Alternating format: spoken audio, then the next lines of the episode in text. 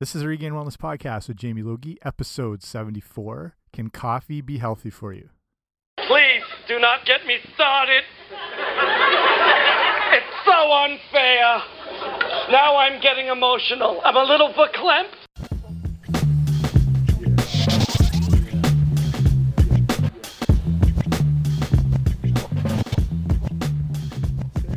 Hey guys, what's happening? Welcome back to the podcast. I'm Jamie Logie. Run regainedwellness.com, and this is the Regained Wellness Podcast. So thank you so much for joining me here on the 74th episode. And I'll tie in how that opener has to do with coffee and everything. And it's basically the way I see things is there's so many missed, um, confused, I guess, uh, mixed up celebrities that are considered to be American that are Canadian. And there's just this Canadian thing that we need to identify those people who are just mistaken and just always, you know, call people out on telling them, no, they're actually Canucks. They're from here. They're homegrown.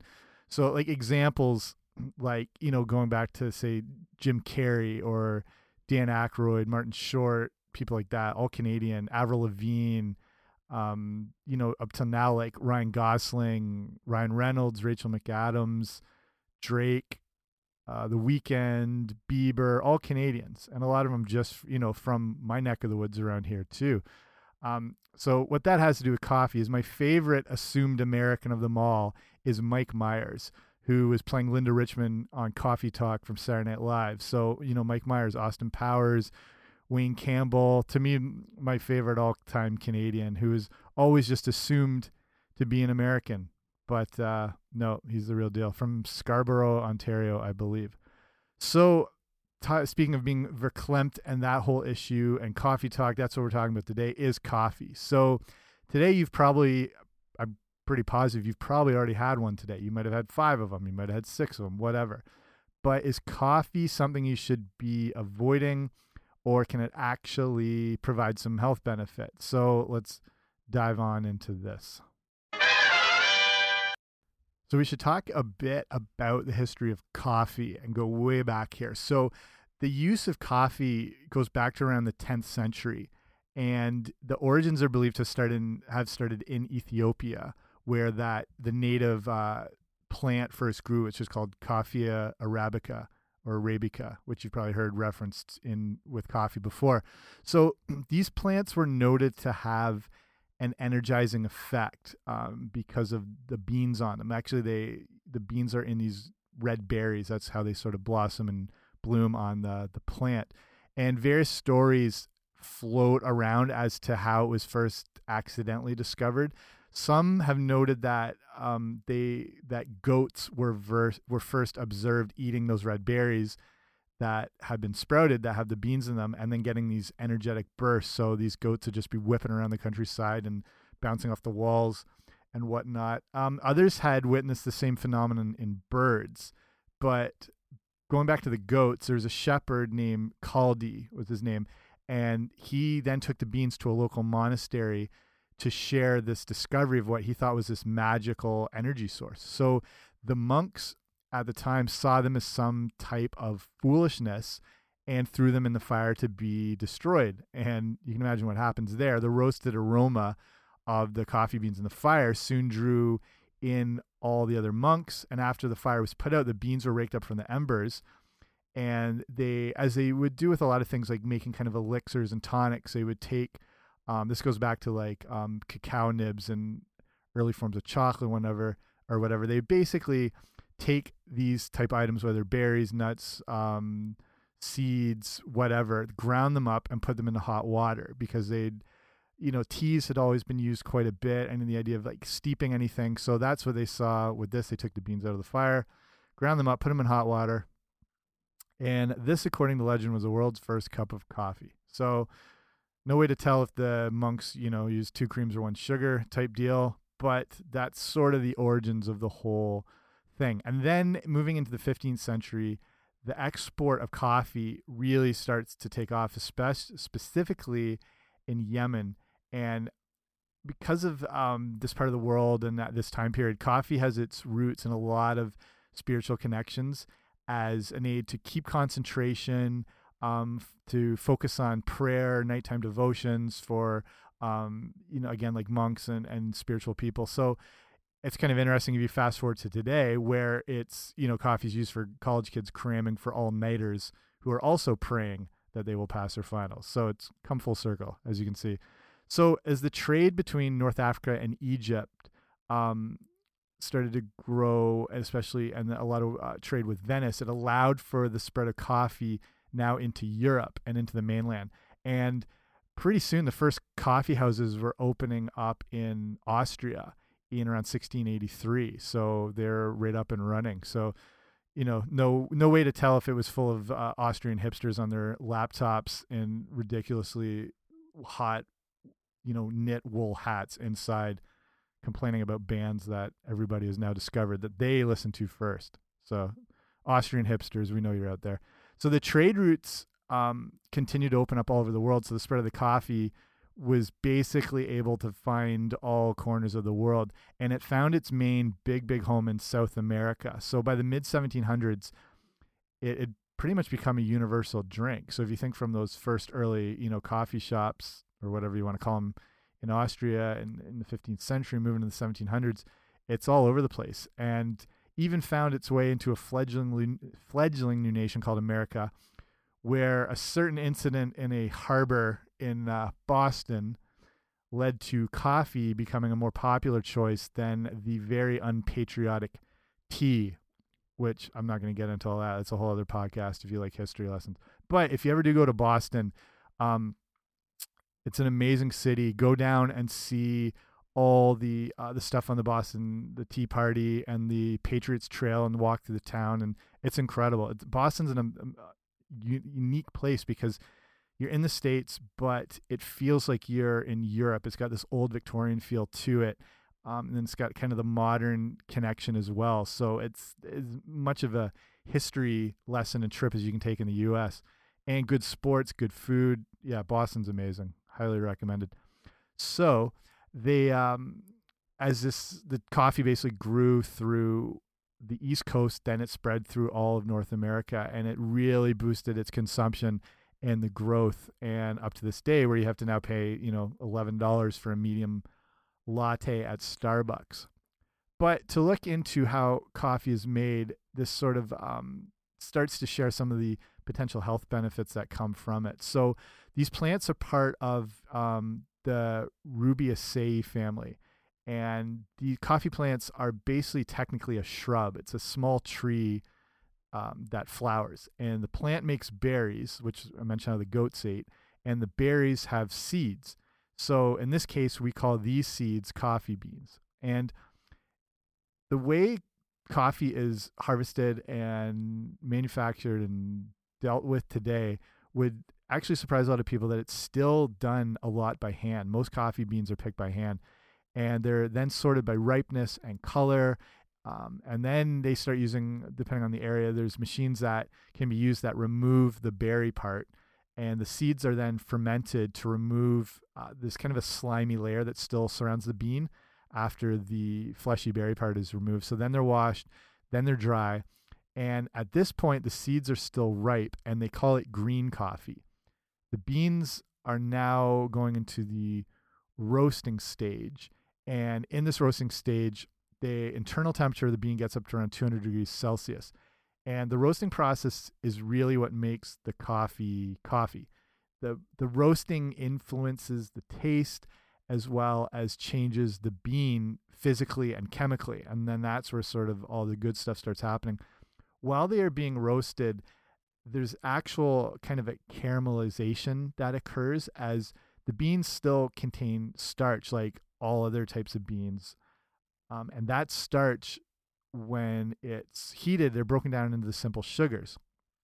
Kind of the same effect that happens if you cook sweet potatoes. You know, if you cook sweet potatoes at a high temperature, they get that kind of caramelized glaze to it that just happens naturally because of the conversion of the sugars. So things are happening to the bean physically and chemically. So the the sucrose that has been in the beans is ras is rapidly lost as they are roasted and now the other oils that are in the beans start to develop so at the 200 degree mark an oil called caffeol is created. And that is the key compound in the bean, which gives coffee its aroma and its flavor. It's not kind of unleashed, if you will, till it's roasted.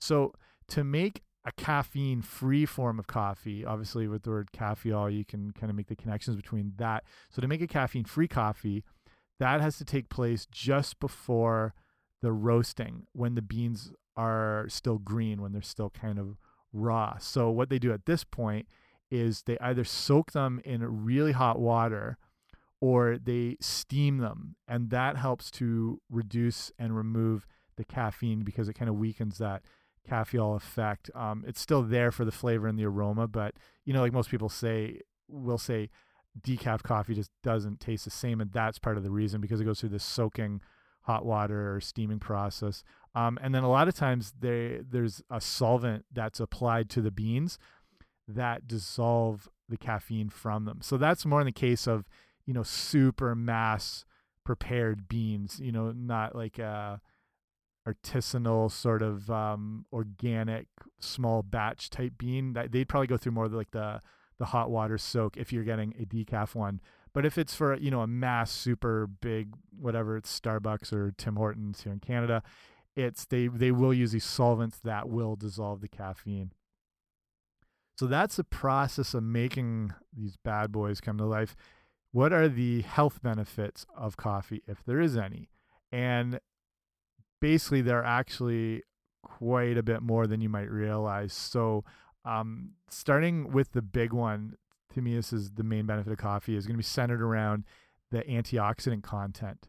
And this may be one of the main sources that people get antioxidants from. Not a lot of people are consuming them a lot if you're not eating a lot of fresh, especially like green leafy vegetables, um, nuts and seeds, really good dark chocolate, uh, blueberries, blackberries. That's, you know, some, you know, obviously some in red wine as well, but those are some of your best antioxidant sources to kind of fight, um, you know, free radical damage in the body, which has uh, premature aging effects, DNA damage leads to certain cancers. Um, that's basically when you think of free radical damage in the body, think of its oxidation in the body, think of your body rusting. And free radicals help disarm, um, uh, sorry, antioxidants help those free radicals become disarmed and free them up, keeping you healthy, fighting on all those uh, bad effects. And, and free radical damage also comes from our environment pollution, smoking, poor water, medications, all kinds of stuff. So, when, if people are not consuming a lot of antioxidants from fresh foods, um, fresh vegetables, and whatnot, they can get it from coffee. So, you know, if they've been consuming quite a bit of coffee, that's at least one of the benefits that it, will be one of the sources of it. So, coffee is also a really good source. Um, and, you know, we're talking about specifically good, fresh, rich ground coffee, not, you know, instant crap or Folgers or whatever that comes out of a tin. But when you're getting good pure coffee, you're looking at quite a bit of riboflavin, which is vitamin B2, um, manganese, there's potassium, there's magnesium, there's niacin, good for blood flow, everything like that. Coffee they're looking at has um, may also really help prevent Alzheimer's disease, with studies showing that coffee drinkers have up to a 65% lower risk of getting Alzheimer's. And a lot of this seems to be attributed to the, that actual caffeine content, which is unique to coffee. Just these actual pure caffeine compounds that are developed through the beans that are grown um, and and developed, and this is actually providing some real health benefits, which is a huge difference compared to you know synthetic caffeine, which you know you'd find in um, you know soft drinks or Mountain Dew or energy drinks or Red Bull or Monster or all that sort of garbage. That's a synthetic caffeine, which is not going to have the same effects you're looking for. And we all know the damages that can happen from too much caffeine. Pills? You mean you really are taking drugs? I need them. Jesse, give me those. I need them, Zach. I have to sing. Jesse, you can't sing tonight. Yes, I can. I'm so excited. I'm so excited. I'm so scared. Jesse, Jesse. Do you remember when Jesse Spano OD'd on caffeine pills, trying to stay up late, study, and all that stuff on Saved by the Bell? I don't know. It's been like 18 years, and I'm still not over that moment. It's an emotionally traumatic experience for anyone who grew up in the 80s. Thank you, Elizabeth Berkley, for that amazing, amazing performance. Okay, back to coffee. So, another, so we just talked about Alzheimer's disease and the caffeine issue. Uh, one thing that they're starting to tie in together is the link between coffee and uh, lowering your risk of diabetes. And this is a really interesting area with a lot of research behind it. And they have been linking uh, coffee, especially by those that drink three cups a day, with potentially lowering your risk of type 2 diabetes, which is pretty incredible. Um, the studies are showing that people who drink the most coffee have a 23 to 50% lower risk of getting the disease. And one study showed a reduction as high as 67%. I'll link all these studies if you're interested in just seeing a little more of the detail on the show notes, which today will be regainedwellness.com slash 073. So if you type that into your internet machine browser, that'll just take you to the show notes where all these things are linked up together. So the inner okay, the one thing with that one study that showed a reduction as high as 67%, that believe it or not, that study was observed with 12 cups of coffee a day, which is obviously ridiculously too high because now you're getting into some re really bad caffeine issues um, that can hit the body. Um, some of the others were based around at least four to six cups. Again, that might be more than the average person can handle. But remember, these aren't like when they're doing these studies, when they say, you know, 12 cups or four to six cups, these aren't, you know, extra large mochachinos, like giant, whatever, you know, frappuccinos or ice Coolattas, or there's huge iced coffees from Dunkin' Donuts or whatnot. So these, these actually are smaller measurements and actually maybe not even the size of a coffee mug, but more along the size of a cup. So I'm not saying you need four to six cups a day, but you know, with a couple of decent sized mugs, you're probably covering yourself um, with the amount that a lot of these studies look at. So looking into some of the other health benefits and can each of these things can be really discussed at length so i'll just sort of touch on them here but just to show you that there are um, some really positive side effects to drinking coffee. So they see that coffee appears to have a very protective effect on the liver. They again related with uh, the alzheimer's issue they see that coffee may help to prevent parkinson's disease um, just with these cognitive issues and and diseases of the brain. They're calling them. Um, so coffee, whether whether it's you know however the caffeine impacts the brain or and combined with the antioxidant content is just shown to have benefits um, for mental mental health. Along with that, you've got the lowering of liver cancer risk from drinking coffee. Again, you know, along with the Parkinson's and the Alzheimer's, uh, the the cognitive decline can be prevented as well, J just in the sense of improving memory, focus, concentration, all that sort of thing. They see that coffee may curb depression and also even help in improving athletic performance. So, again, I'll link these studies up if you want to look a little more into it. So, how much should you consume? So, I, I talked about the multiple cups and all that. So, this is when I say that, this is me talking here now, um, instead of any studies that you know there does clearly to be some benefit from consuming multiple cups a day. So I wouldn't go crazy overboard, uh, just because of that idea of becoming too overstimulated and jittery. And again, too too much caffeine can cause adrenal fatigue, burnout.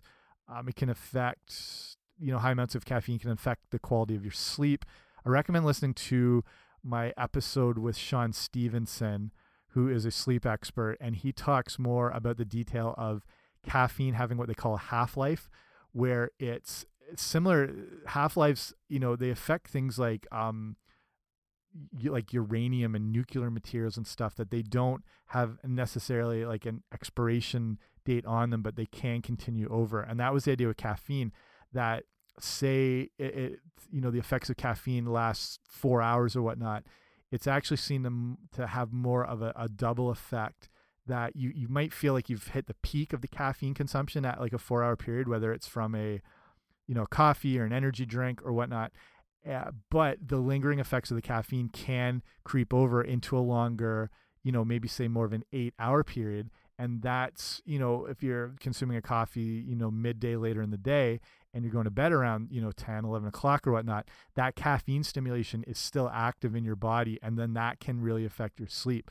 So if you have been having sleep issues, you might want to look at reducing your coffee intake later through the day. Have them in the morning and maybe cut them out by noon or one o'clock. That's if you've been having these sleep issues. So I'll link that up. Definitely listen to this show just because the importance of sleep is so important. To me, honestly, it's probably the number one thing people need to do to get healthy and well is start improving your sleep. And Shawn Stevenson really breaks it down a lot. And then again, more if issue on the, or sorry, information on this caffeine sleep issue. So that's episode 36, but I will link that up for you.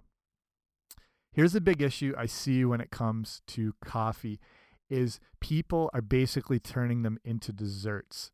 And that's where all the trouble happens. Like I was mentioning before about mochachinos and Coolattas and all that crap. When you start adding in sugars, you know, milk creams, caramels, flavorings, peppermint shots, whatever, you're not really drinking coffee anymore, but you're drinking a coffee flavored beverage. So you're now exposing yourself to all the issues that come from too much sugar or artificial sweeteners, um, high fructose corn syrup, all that stuff.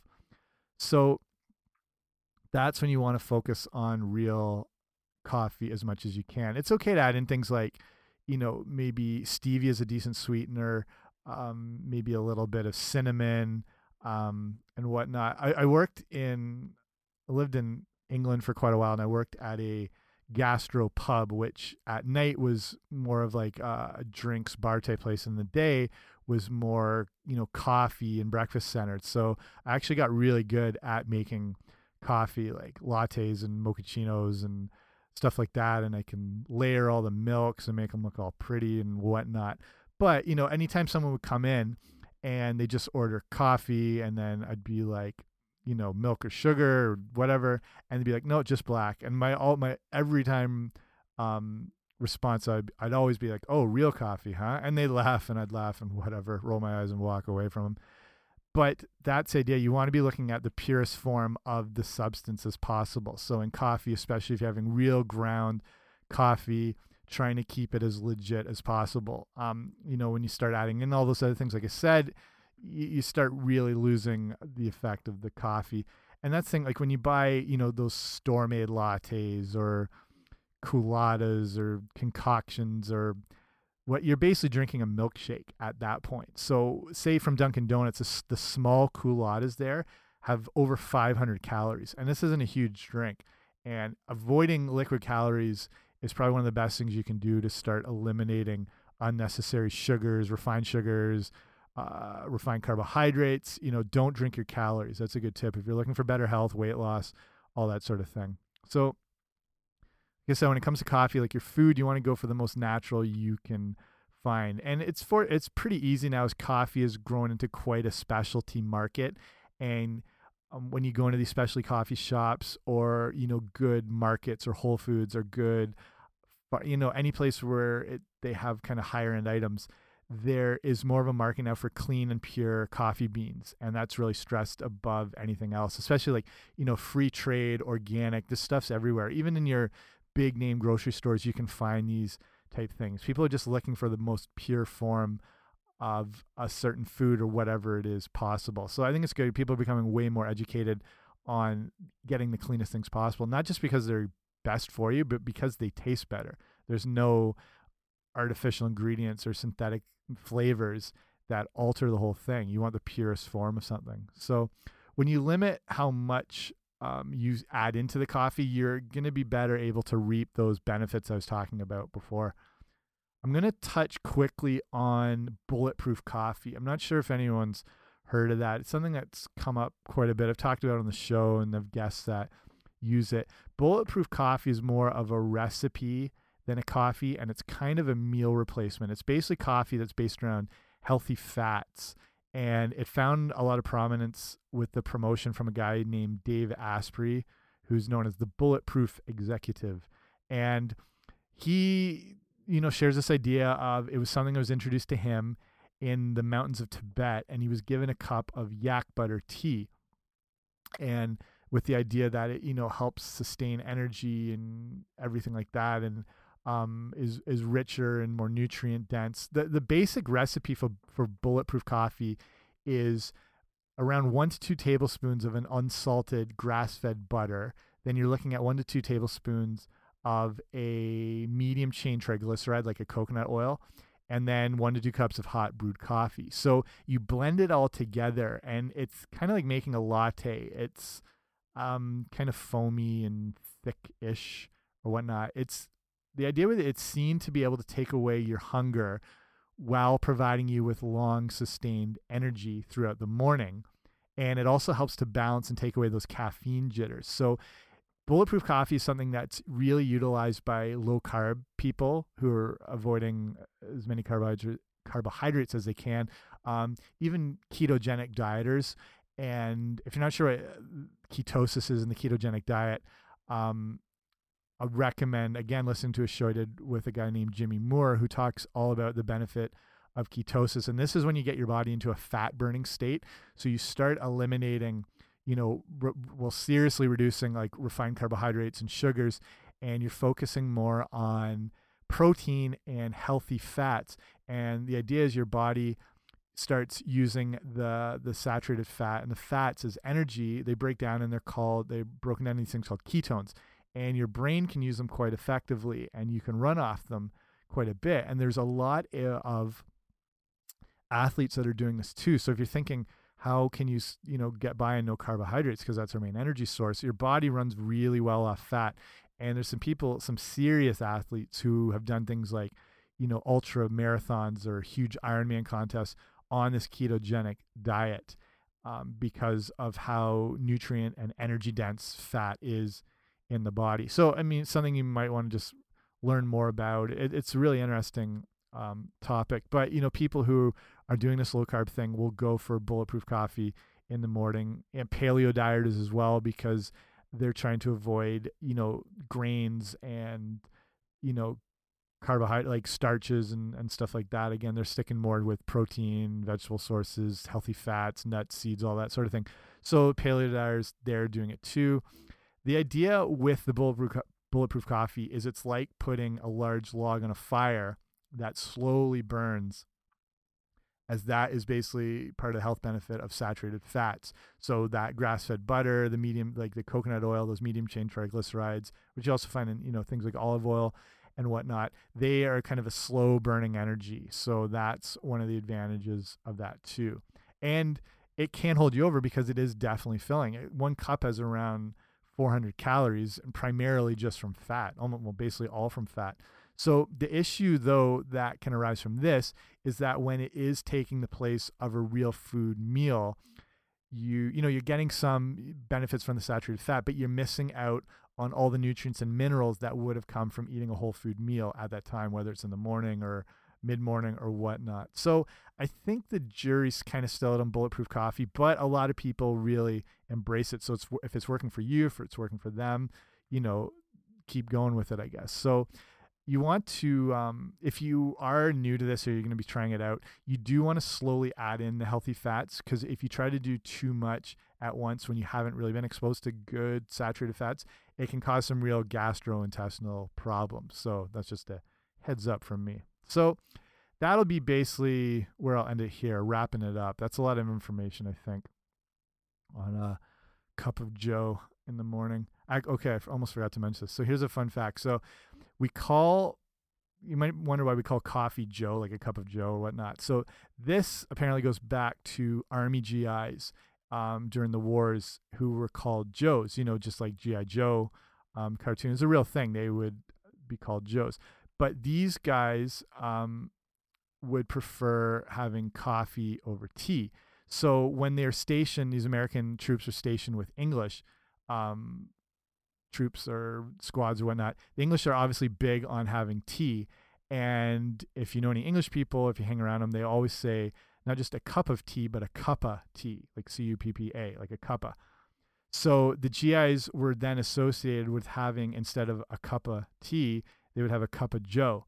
as theirs can contain coffee, not tea. And then the term Joe sort of stuck for coffee, and then we call it Joe today. So there's your fun fact. Maybe not so fun, but it is a fact. So basically, all this, I think it's clear there are benefits from coffee. Um, I think, like your food, you want to keep it as real as possible, natural, organic, as pristine as you can find. Um, with coffee, it's good because it's pretty easy to track it down, not that expensive. Um, and a cup or two a day looks like it can actually provide you some really good health benefits. So that'll be it from me. Thank you for listening. If you have more questions or if you want to talk coffee or Mike Myers or Bieber or whatever, just email me at info at regainedwellness.com and I'll help any way I can. Or if you want to see other stuff covered on the show, or if you just want to say hi, either way, it's all good. So that's it from me. Thank you. If you like the show, please subscribe um, just so it's automatically delivered to you each week. If you do like it, please leave me a rating and review too, so it gets more people on board, and we're helping helping everybody. If you also want to learn more about things you want to be eating um, and why you need to be eating those things, and more on things you want to be avoiding and why you want to be avoiding those things, make sure you sign up to get the um, email newsletter because when you sign up, I send off this free ebook, and it is a kind of healthy eating starter guide on all those issues. So it gets you up to, sorry, speed with everything. Um, it's got some free recipes and every all that sort of stuff, and then you're part of the newsletter, and there's you know information and updates and stuff. I basically only share over email. So if you want to do that, head to regainedwellness.com/guide enter in your electronic mail address and it'll be magically whisked off to you by the internet fairies. Okay, so that's it for me. Keep focusing on, you know, making the healthiest choices possible in your diet and focusing on progress and not perfection. See you next time.